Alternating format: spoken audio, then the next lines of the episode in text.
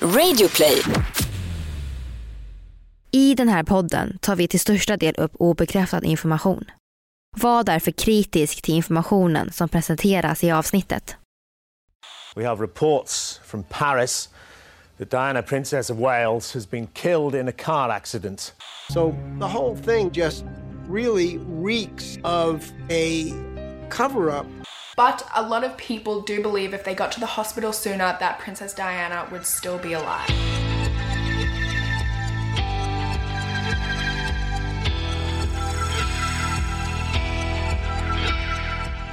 Ni lyssnar på Konspirationsteorier, en podcast med Vivi och Aida. Och det här är en annan sida av historien om Diana, the Princess of Wales.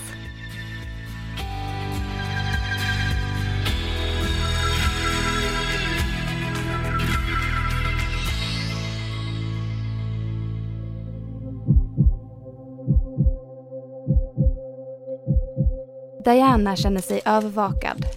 Media är ständigt närvarande. Det spelar ingen roll var hon befinner sig. De finns runt varje gathörn, utanför bilen och hotellet.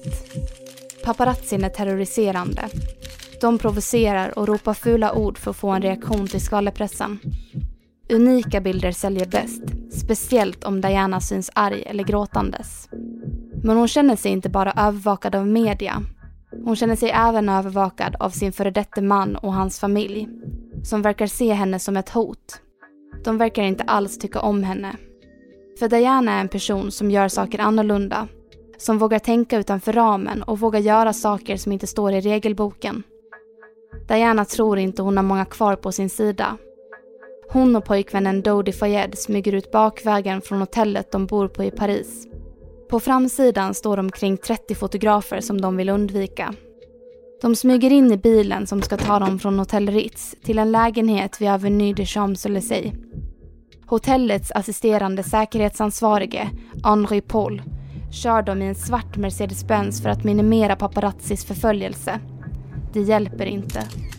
Diana måste lägga sig ner i baksätet för att gömma sig från kamerablixtarna. Hon är världens mest kända kvinna och gör nu allt för att inte bli upptäckt. Men journalisterna och fotograferna är rutinerade. De får syn på paret och en vild jakt inleds. Bilen omringas av motorcyklar och i ett försök att skaka av sig dem ökar Henri Paul farten. Diana är rädd. Det har varit så här i många år nu. Speciellt sedan skilsmässan med hennes före detta man Charles. De åker in i tunneln Pontel-Alma. Som ska ta dem till lägenheten.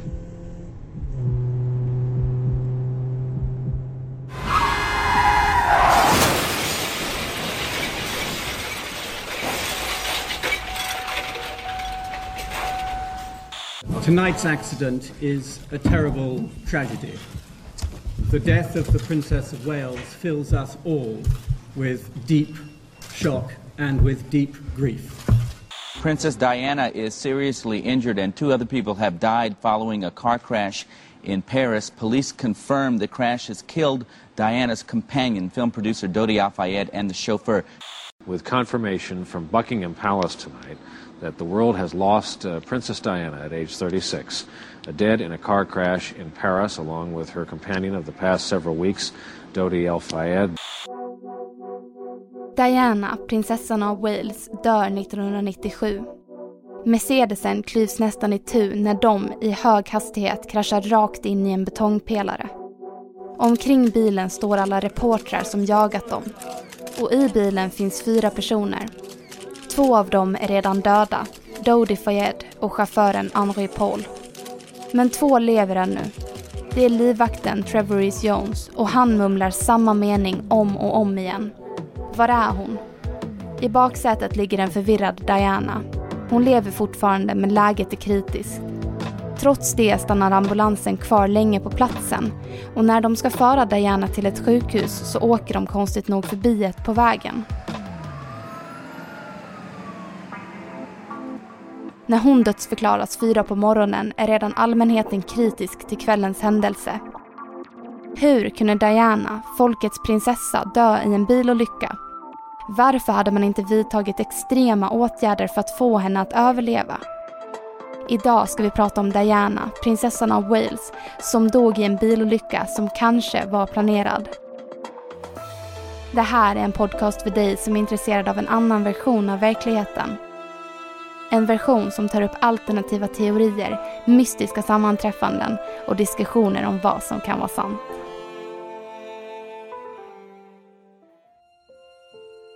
Diana föddes den 1 juli 1961 och var det yngsta barnet i den adliga familjen Spencer.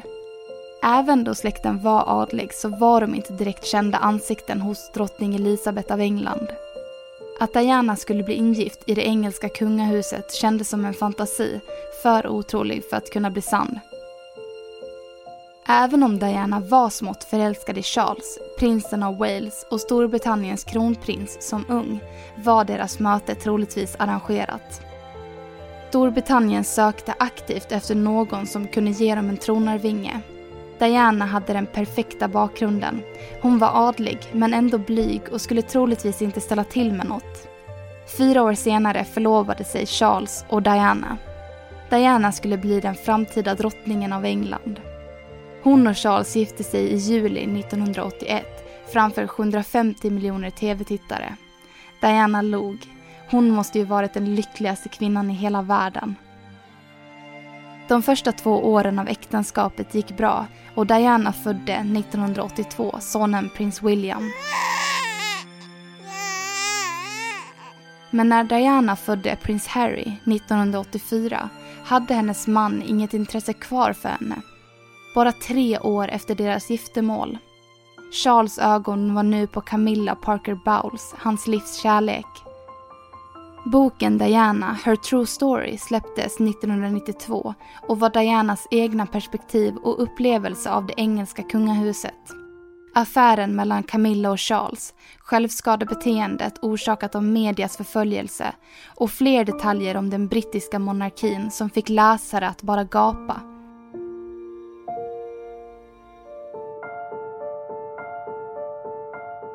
Aldrig någonsin tidigare hade allmänheten fått en sån inblick i kungahuset. Diana blev världens kändaste person. Hon var trött på hovet. Strax därefter valde paret att separera då de knappt tittade på varandra längre. Två år senare uppstod nästa stora skandal. I en hemlig intervju med BBCs Martin Bashir år 1995 fick Diana frågan om hur det egentligen var att vara en del av kungafamiljen. Intervjun slog ner som en bomb. Nästan 23 miljoner såg den på BBC. Fram tills intervjun sändes visste ingen om att den hade gjorts, inte ens hovet. Hade en så offentlig person någonsin varit så öppen i media? Efter det bad drottning Elizabeth, Charles och Diana att skilja sig Trots att Diana nu förlorat titeln som hennes kungliga höghet var hon fortfarande prinsessan av Wales, mor till tronarvingen och en del av familjen som inte längre tyckte om henne. Diana hade startat ett krig som hon troligtvis inte var beredd på. Det kändes som att hovet kunde gå hur långt som helst för att få henne ur vägen. Många år senare uppmärksammades det även att Diana skrivit ett brev till sin vän och butler Paul Burrell.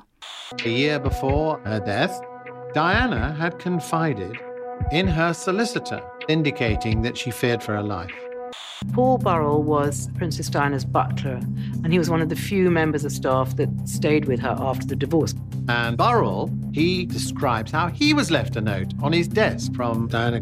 In the note, she predicted her death in a violent accident. Hon berättade att hon var otroligt rädd att Charles skulle skada eller döda henne genom att koppla bort bromsar från bilen. En planerad bilolycka. Var det kanske så att Charles och hovet försökte få Diana ur vägen då hon tog stor uppmärksamhet i media och på ett sätt smutskastade kungafamiljen? Det verkade många människor tro.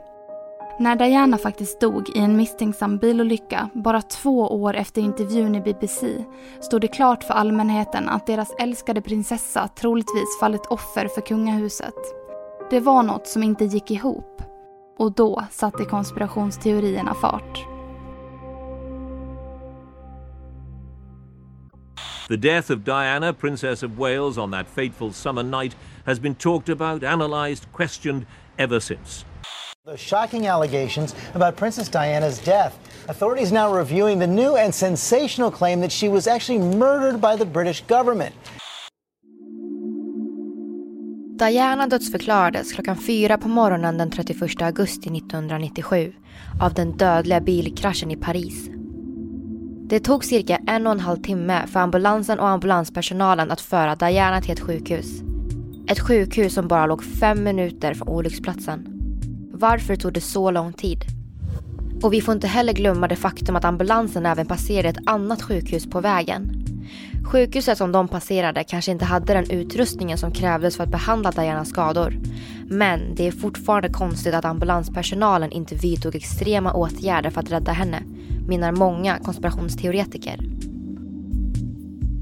Även om det fanns en rutin i Frankrike där ambulanspersonalen bara skulle behandla de mest akuta skadorna på plats fanns det många konspirationsteoretiker som funderade på om Diana hade överlevt om hon fått åka till ett sjukhus direkt.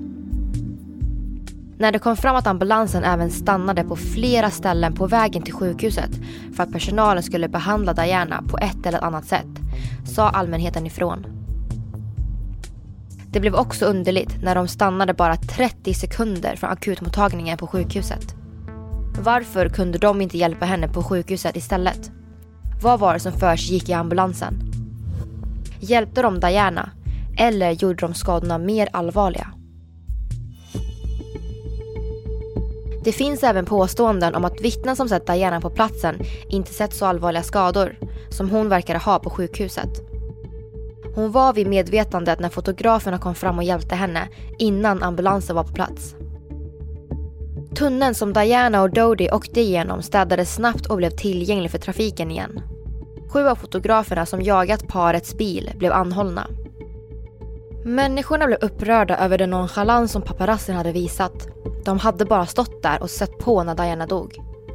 Att inte hjälpa någon i nöd kan ge fängelse, men de sju fotograferna blev friade. Hur kunde det vara möjligt? Det var ju tydligt att de hade ett finger med i hennes död. Fotograferna blev slutligen dömda till en symbolisk summa på en dollar för intrång i privatlivet. Diana had recently begun a romance with Dodi Al Fayed. Press photographers, desperate to get pictures of the couple, were following them everywhere. I bilen satt även pojkvännen Dodi Fayed vars far, Mohammed Al-Fayed, snabbt hakade upp sig på kraschen. Han sa nämligen att Diana var gravid med Dodis barn och att de planerade en förlovning. Det sägs faktiskt att det var därför paret var i Paris den dagen. Dodi skulle hämta upp en förlovningsring till Diana. Det här skulle definitivt uppröra hovet som enligt honom menar att hovet inte hade velat att deras tronarvinge, William, skulle ha en mamma som var gift med en muslim och få ett muslimskt syskon. Eftersom Englands kungahus eftersträvar att hålla sig inom den engelska kyrkan hade det, enligt Mohammed, blivit en skandal. Hovet hade aldrig tyckt att detta var okej, varken med ett giftermål eller ett barn. There are unsupported but persistent rumors that Diana was pregnant when she died, and many have a hard time believing Princess Diana would die such an ordinary death. Polls in Europe show that many believe she was assassinated. By one theory, because the royal family wouldn't tolerate a marriage between a Muslim and the mother of England's future king. De medicinska rapporterna från kraschen sägs faktiskt visa att Diana var gravid med sitt tredje barn. Men om det är sant eller inte vet vi inte. Graviditeten blev då nedtystad för att inte hovet skulle bli ännu mer förnedrade än vad de redan var. Efter Dianas intervju med BBC hade den engelska kungafamiljen dåligt rykte. En graviditet bara två år efter att deras framtida drottning Diana och kung Charles skilt sig skulle väcka arga miner hos hovet. Utredarna ansåg inte att en graviditet var orsaken till bilkraschen, så spåret lades ner. Men för konspirationsteoretiker och för Mohammed Al-Fayed var det här ett tydligt motiv från den kungliga familjen eller den brittiska regeringen. Another theory is that they weren't actually targeting Diana at all, that they were actually targeting Dodi. People think that he could have been targeted by business enemies of his father. Another key part of this mystery is that Dodi was a Muslim, so that wasn't always like the most accepted thing. A lot of people think that maybe he was targeted so that Diana wouldn't marry him, and that maybe the crash was only meant to kill him. Det finns även andra teorier som rör Dodi Fayed. Eftersom han var muslim menar konspirationsteoretiker att det finns en stor risk att hovet såg till att mörda honom för att slippa skammen. Att Diana råkade dö tillsammans med honom kanske inte riktigt var meningen. Men för dem kanske det inte heller gjorde något att hon dog. Det kanske mest intressanta med den här konspirationsteorin är att bilen som Diana och Dodie åkte i faktiskt hade blivit stulen två gånger innan de åkte i den. Den hade också varit med om en olycka och reparerats, trodde man. Bilens dator som registrerade navigation, hastighet, bromsning och fler tekniska bitar blev stulet bara några dagar innan bilkraschen. Det gjorde det svårt för utredarna att få reda på information om kraschen Interestingly enough, the specific black Mercedes S280 that they used was the only car available to rent. It had also just been stolen and bought by the rental company that rented it to Princess Diana. Apparently, there was also a microchip missing, and this microchip um, controlled the steering, the acceleration, the braking, and the navigation. And some people think that it was actually replaced with something that could control the vehicle from the outside. There were along the route from the Ritz Hotel to the entrance to the tunnel 10 cameras, all apparently, according to the French, not working. Att det saknades videoövervakning från bilfärden blev ju bara pricken över i-et. Mercedes erbjöd att undersöka bilen tre gånger som en del av utredningen. Men bilen förblev inlåst på en polisstation. Flera år senare så var den redan nerplockad i bitar och det fanns inte längre något att undersöka. The investigating magistrates have ruled that the 1997 car crash was caused by chauffeur Henri Paul. Det som utredarna var inne på var bilens förare, Henri Paul. Han var assisterande säkerhetschef på hotellet som ägdes av Mohammed Fayed och hade arbetat där länge. Just den här dagen skulle han egentligen inte arbetat. Men efter ett samtal från Dodi så kom Henri in till jobbet. Det gjorde att han skulle få ta skulden för bilolyckan. Det må ha varit många paparazzis omkring bilen som både distraherade och gjorde det svårt att köra. Men en nykter person hade kanske klarat av det. Henri Paul visade sig nämligen ha stora mängder alkohol och mediciner i kroppen. Det sägs att Henri satt i baren innan han skulle skjutsa paret. Efter det gick han ut och pratade med paparazzin i ett försök att få dem att fokusera på huvudingången. But security footage of Henri Paul before they got into the car suggests that he was sober and not particularly affected by his drinking. Everyone who talked to him that night very clearly said that he wasn't drunk, that they didn't think that he seemed drunk. His family says that it's not something that he would do. It was very out of character for him to supposedly be drunk. Now, a second thing that doesn't make sense about this either. Now, in his blood, there was a medication called albendazole that was found in his blood. But talked to his doctor and found out he wasn't prescribed albendazole. Han visar inget tecken på att vingla eller bete sig märkbart påverkad. Varken Henry Pauls eller Dodi Fayets familj köpte att han skulle ha varit berusad och bad direkt att ett nytt test skulle tas. Resultatet visade detsamma. Henry Paul hade stora mängder alkohol i blodet. Hela tre gånger högre promille än vad som var tillåtet att köra med i Frankrike. Det officiella testet visade också att Paul hade höga mängder kolmonoxid i blodet, vilket inte är ovanligt för rökare. Och han hade rökt tidigare på kvällen. Men ett annat test, gjort på begäran av skeptiker, sa något helt annat. Det visade att Paul hade dubbelt så mycket kolmonoxid i kroppen som det första testet visade. Det skulle innebära att han tidigare under kvällen skulle ha haft fyra gånger så mycket som en rökare har. Kunde det ha varit så att Henri blev förgiftad? Konspirationsteoretiker tror antingen på det eller att någon hade mixat med testet. Skulle det funnits mängder alkohol och kolmonoxid skulle det ha varit svårare för honom att ens fungera resten av kvällen. Enligt University of Kansas Hospital så leder en så stor mängd kolmonoxid till bland annat nedsatt syn, förvirring, trötthet, hallucination, till och med koma eller rent av döden.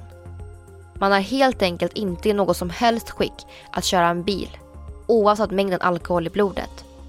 Bevisen ville tyda på att det var Henris och ingen annans fel. Men enligt testen så borde det inte kunna vara så. För han borde kanske inte ens kunna ta sig till bilen den kvällen. Så kanske togs proverna från en annan persons blod. Teorierna om Henri Paul tog inte slut där. Enligt Pauls deklaration ska han enbart ha tjänat drygt 19 000 pund i lön de senaste 10 månaderna. Men hans totala inkomst var över 47 000 pund. Var kom dessa pengar ifrån? Vissa tror att den stora summan kom från MI6, den brittiska Secret Intelligence Service. There's a man named Richard Tomlinson that came out and he used to work for the British Intelligence Agency. Now, he came out with a statement saying that he definitely believes that the British Intelligence Agency is holding information that would yield new evidence to the case of Princess Diana's death. Till en fransk domare ska Richard Tomlinson, som tidigare arbetat på MI6, ha berättat att han var säker på att Henris pengar kom från MI6 då han kunde varit en av deras informatörer. Det var nämligen rätt vanligt på den tiden att få dessa enorma summor pengar för sådana jobb. Tomlinson tog även upp det faktum att Henri Paul var försvunnen några timmar innan han började sitt jobbpass på hotellet den kvällen. Tomlinson blev senare avskedad från MI6 för att ha brutit mot sekretess och fick ett fem månaders straff i fängelse. Men det allmänheten fick veta av detta var att om det stämde att Henri var informatör skulle MI6 haft information som utredarna och domaren skulle haft nytta av. Det sägs av vissa konspirationsteoretiker att den ovanliga rutten som de åkte den kvällen kan ha berott på att MI6 blockerade vägen som de skulle ta. De blev helt enkelt tvungna att ta tunneln utan att vara medvetna om att det inte var deras eget val. Det finns flera vittnen som såg ett starkt ljussken i tunneln precis innan kraschen. De flesta av vittnena konstaterade att ljuset inte var en kamerablixt. Det var troligtvis ett så kallat strobe light som användes för att förblinda chauffören. Därefter flydde MI6 från platsen helt obemärkt. Princess Diana expressed fear of British Secret Service operatives working for MI5 and MI6. Was her fear finally and conclusively proven correct? Retired MI5 agent confesses on his deathbed, I killed Princess Diana. När man inspekterade bilvraket hittade man även något annat. Det fanns nämligen vita spår på bilen som tydde på att den hade skrapat i en vit bil. Det visade sig vara en Fiat, men som spårlöst hade försvunnit efter kraschen. Uh, vehicular homicide would, would imply basically that this was a willful intent to cause a collision uh, that would either be fatal for the passengers in the car, in the Mercedes, or would uh, at least severely injure the people in the car. Kanske var det MI6 som rammade Mercedesen in i pelaren och sen flydde. Operation Paget, som var en polisundersökning som tittade på alla konspirationsteorier kring Dianas och Dodis död, sattes i verk. Mohammed Al-Fayed hävdade i Operation Paget att Fiaten tillhörde en journalist vid namn John Paul James Andanson. Och när han plötsligt dog menade Mohammed att det antingen var av skuldkänslor eller att han faktiskt blev mördad av franska eller brittiska Secret Service. Men vad hade MI6 med prinsessan av Wales att göra och varför skulle de vilja mörda henne? Dianas död berörde många. Likt Michael Jackson, Elvis Presley och Marilyn Monroe finns det teorier om att hon fejkade sin död för att leva ett liv fri från medias ständiga bevakande tillsammans med sin kärlek, Dodi Fayed. Om det är sant vet vi inte, men vi kan ju hoppas. För annars får vi acceptera att hon dog av en bilkrasch i en tunnel i Paris, jagad av paparazzi och med en full chaufför som väjade in i en pelare.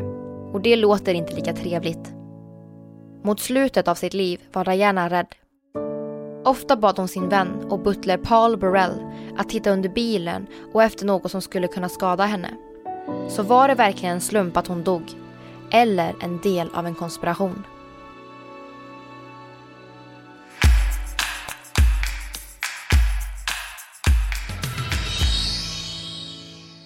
Ja, men det kanske det är. Vad, vad tror du? Eh, jag vet inte riktigt. Jag håller med om att det är väldigt suspicious eh, med alla de här teorierna som jag har sagt nu. Men jag är osäker och det är jag ju alltid. Men du pratar om att du tror typ på den här. Hur kommer det sig då? Eh, ja, alltså det här är väl kanske en av de eh, teorierna eh, som vi har tagit upp i podden som jag kanske tror lite mer på. Just för att det är väldigt misstänksamt alltihopa. Eh, speciellt med tanke på ja men liksom att kraschen hände i den här tunneln och det fanns ingen så här, övervakning och eh, just med kungafamiljen och eh, jag vet inte, det är bara för alldeles för mycket eh, saker som inte stämmer. Mm, och nu när du pratar om tunneln så kan jag faktiskt lägga till någon grej i det. Mhm. Och det är att tydligen så upptäckte man även ett rött märke på Dianas lår. Och då undrar ju då konspirationsteoretikerna ifall det här kunde vara ett dödligt gift. Mhm. Och de menar då att man på något sätt har sprutat in gift via låret. Och i och med att det inte fanns någon övervakning i tunneln så såg man inte vad som egentligen hände. Så vad som helst kan ha hänt. Och Ja, och det här kom också upp i samband med att det fanns vittnen som påpekar att Diana inte såg ut att ha så allvarliga skador som ja, det visade sig att hon faktiskt hade. Och därför tror konspirationsteoretiker att man i ambulansen gjorde skadorna värre genom att förgifta Diana Mm. och därav det röda märket på hennes lår. Men då vill jag också tillägga en grej där att bara för att någonting inte ser allvarligt ut så kan det fortfarande vara väldigt allvarligt för det kan fortfarande vara inre blödningar som var orsaken till att det blev väldigt, väldigt akut när de åkte till sjukhuset. Men som sagt, vi vet inget för, eller vi vet väl lite men man vet ju inte vad som har hänt för att det fanns ju ingen övervakning. Alltså de kan ju ha gjort vad som helst liksom. Ja, alltså eh, just det där med att hon kanske har fått gift i sig vet jag kanske inte om jag tror på. Mm. Eh, för, men jag vet ju inte, alltså man, man har ju inte sett någonting. Även fast det fanns fotografer där som fotade så finns det ju liksom inget, det finns ju ingen bevis egentligen. Nej, och det jag känner främst är ju att brukar man ha övervakningskameror i tunnlar? Ja, alltså just i den här tunneln så fanns det faktiskt, jag tror det var typ tio eller upp mot tio eh, stycken faktiskt, men de var av. Vad konstigt att de var av just den kvällen där Diana faktiskt skulle dö. Ja, faktiskt. Och just ehm, alltså nu när vi väl är inne på den här tunneln då. ehm, det, var, det fanns ju faktiskt flera vittnen som såg ett sånt här starkt ljussken från eh, en strobe light. Mhm. Eh, och att man använde det för att förblinda chauffören så att om vi Alltså allting kanske, de kanske använder flera saker för att verkligen säkerställa Först kanske MI6 eller MI5 eh, försökte lura in dem i tunneln genom att styra in dem dit. Sen kanske de använder den här strobelighten, Sen kanske de använder den här Fiaten för att köra in dem liksom. Eh, och sen giftet eh, för att eh, kanske typ döda henne eller så. Och sen det här med ambulans. Alltså förstår du, det är så många grejer som, eh, som är konstigt. Ja, och... Alltså det finns så mycket konstiga grejer, men det där med bilen, det tar ju priset verkligen. Mm. Att den, eh, att den var, i- den var ju i princip trasig. Mm. Eh, med det där kortet, alltså det där, det där kortet i bilen då, eller vad det nu är, som spårar saker. Och att den inte fanns och sen ingen kamera, kameraövervakning heller, det är ju skumt. Ja men och det här med att de pratar, eller att eh, Mohammed Al-Fayed, eller jag vet, jag vet inte om man säger Al-Fayed men jag kommer att säga så nu. Ehm, Ja. Att han trodde att de försökte döda Diana för att hon var gravid. Ja. Det är också väldigt det, eller? intressant. Jag vet inte. Alltså, men apropå barn. Eh, det finns faktiskt en annan konspirationsteori om Diana och det handlar faktiskt om hennes barn prins Harry. Och Diana var ju otrogen med James Hewitt. Eller James Hewitt, Hewitt. Jag är lite osäker på hur man uttalar hans namn för jag har gått in på YouTube och kollat upp så här pronunciations. Eh, men alla ser olika så jag eh, kan inte riktigt uttala det. Men då vet ni det i alla fall nu. Ehm, hon var i alla fall otrogen med James och kanske efter då hon och Charles separerat. Och detta är faktiskt ett faktum och Charles var ju också otrogen med ehm, Camilla så båda var ju otrogna mot varandra och deras Mm. äktenskap var kanske inte det bästa. Men hur som helst, det man tror är i alla fall att Dianas andra barn Harry kan vara James barn. För eh, tydligen så är de väldigt lika enligt konspirationsteoretiker. Mm. Um, jag vet inte, vänta, James, Hewitt, Prince Harry. Ni ska kolla här. Jag vet ju inte riktigt om jag tycker de är sådär jättelika. Nej, jag, jag vet faktiskt Eller jag, inte. jag, jag ser ju the resemblance liksom. Hur ser Charles ut? Jag, alltså, gud, jag, har inga, jag har inga face på dem förutom Diana. Ska säga Charles. Här. De har lite lika ögon kanske. Ja. ja men jag tycker de påminner om båda. Men vet, vi, vet, vi kommer inte få veta det här. Alltså, om inte de, de gör ett DNA-test såklart. Precis, det är bara lite kul. Precis, vi lägger upp det här på Instagram story, eller Insta-story så ni får ju se likheten och, det vad vi pratar om. Ja, precis. Men ja, så får ni avgöra själva om ni tycker att de är lika eller inte.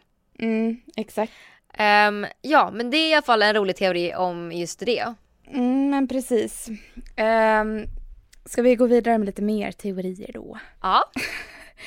Efter Dianas död då eh, så förväntade sig allmänheten att kungahuset skulle vara ja, men, förstörda. Jag menar de hade ju förlorat en familjemedlem och ja, man brukar ju vara väldigt ledsen då om det händer.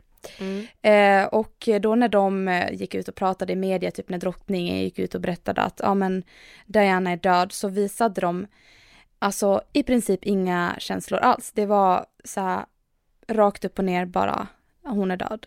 Och eh, eh, då blev människor så här arga för att eh, de tyckte inte att de brydde sig tillräckligt så här, hallå visa att ni är ledsna, fäll en tår, alltså vad som helst, men eh, var inte robotar.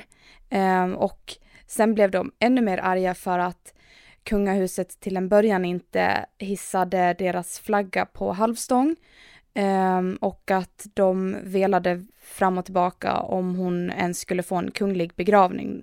För att hon hade ju inte kvar sin titel som hennes kungliga höghet längre efter skilsmässan med Charles. Ehm, men folket såg ju ändå henne som deras prinsessa, alltså hon var ju folkets prinsessa. Ehm, och eh, så här, de bestämde, kungahuset så här, velade fram och tillbaka, de visste inte hur de skulle göra.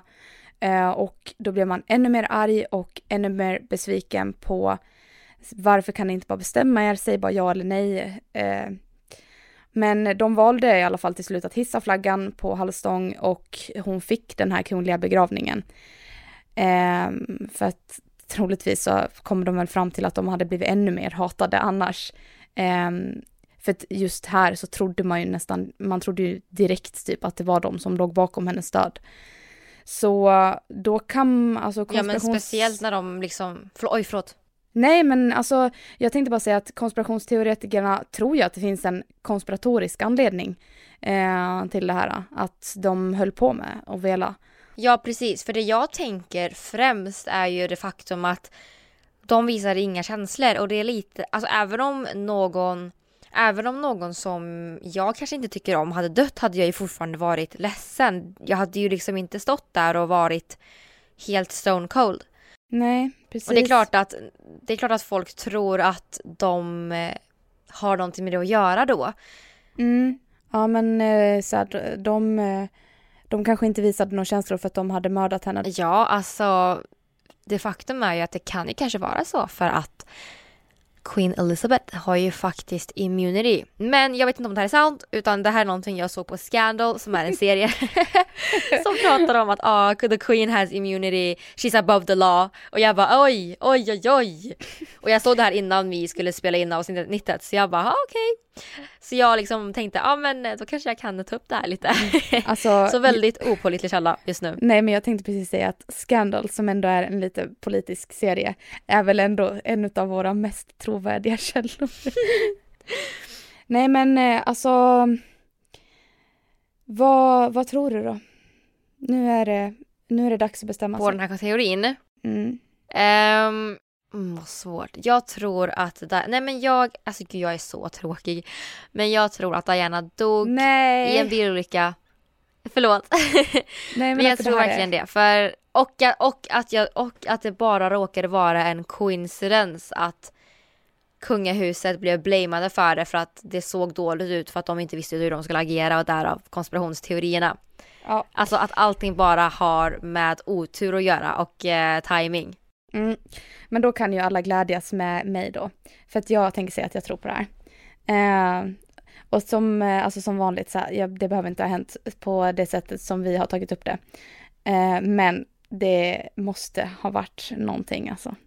Eh, just det här med tunneln och MI6 och eh, Fiaten och eh, ja men typ Henry, Hen, Henry Paul, jag vet inte vad, jag vet inte vad han Paul. Kan vi bara säga Henry Paul. Eh, han, alltså han har ju ett han är ju en egen konspirationsteori egentligen. För att alltså ingenting med han stämmer. Ah, Okej men, men jag, ångrar, jag ångrar allt jag sa, jag tror vi spelar konspirationsteorin kom jag på nu. Tack. För, Tack. Ja men för att Diana hade ju skrivit ett meddelande eller ett, ett brev till sin butler när Ja. hon sa så här att hon trodde att hon skulle bli mördad och att hon trodde att det var något fel på hennes bil och sånt där. Och Mm. hon dog ju faktiskt av en bilkrasch av en Ja. bil som tidigare varit stulen och har varit med i, i olyckor innan. Mm. Alltså, Ja, nej, alltså, så jag, jag tar tillbaka det jag säger. Jag eh, tror på att det är någonting lurt på gång. Tack. Alltså det glädjer mig för att du är verkligen den skeptiska av oss. Ja, ja jag gör det. Men, eh, ja men vad, okej. Vad kul tänkte jag säga. Nej, men jag insåg inte- det nu. För sen så, jag tror ju inte på det här med att, ehm, som Mohammed säger, att han eh, tror att de dödade dem för att han, hon var gravid eller för att, han, för, att det var, för att hon var kär i någon annan. Alltså det tror jag inte. Men jag Nej. tror på det faktum att eh, de kanske har någonting med att göra i och med att, de, att hennes butler faktiskt släppte det brevet han fick av henne. Eller lappen eller vad det nu var. Ja men precis.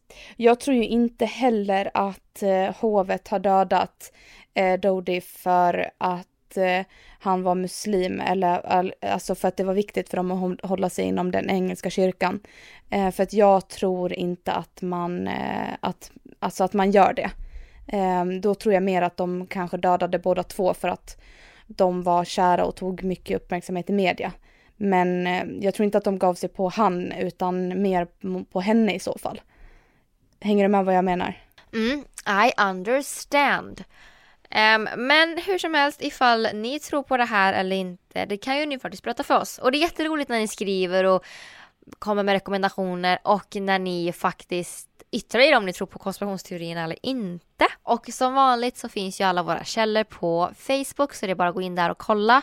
Vi heter då konspirationsteorier på Facebook och Instagram så heter vi världens konspirationsteorier och där lägger vi alltid upp stories helt enkelt där ni kan följa och titta medan ni lyssnar eller innan ni lyssnar eller efter ni lyssnar. Men de finns där i alla fall. Ja, och när vi är ändå inne lite på sociala medier. Vi har sett att det är väldigt många av er som ja, men skickar lite så här små fast superintressanta konspirationsteorier till oss. Och eh, ja, vi tänkte att vi måste ju dela med oss av de här till allihopa.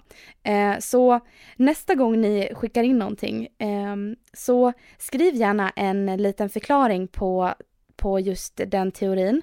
Eh, stor som liten, det kan vara vad som helst. Så tar vi upp det i våra sociala medier och eh, ja men eh, går in lite djupare på det där. Ja, och det är jätteroligt och en till grej är också att det är inte alltid vi kan prata om avsnitten i vår podd för att det kanske inte finns tillräckligt med information eller att ja, men avsnittet går att se på en sekund. Mm. Ehm, så det är därav så tänker vi att då kan vi ta upp dem i vår, äh, på våra sociala medier för de är ändå värda att ta upp. Det är klart att det, det ska liksom pratas om. Ja, och speciellt också om ni har extra fakta om eh, någon teori som vi har tagit upp i säsongen eller eh, som, eh, ja, men som, alltså, som vi har pratat om, som ni har ännu mer info om. Alltså skriv den till oss så tar vi upp den så att alla får ta reda på den. För att eh, det är jättekul. Ja, och glöm inte att prenumerera på våran podd. Och vi finns på Radio Plays app och även på andra ställen där poddar finns. Ja, precis. Och eh, nästa vecka så ska vi prata om min favoritteori, Illuminati. Woho! Badababam! Skojar. Hej då! Hej då! Shockingly, the Illuminati actually has a very real historical foundation. In 1776, in Bavaria, Germany, Adam Weishaupt, a German professor inspired by the ideals of French philosophy, namely secularism and rational thought, decided to form an organization to protect those beliefs. The one they have all heard of is the story of a highly secret society, pulling the strings and controlling the course of world events. The Illuminati did not have any religious grounds, but instead had goals that focused on self knowledge, free thought, social reform, and self improvement. However, this was seen as a threat to the church, and in the 1780s, the Illuminati was disbanded.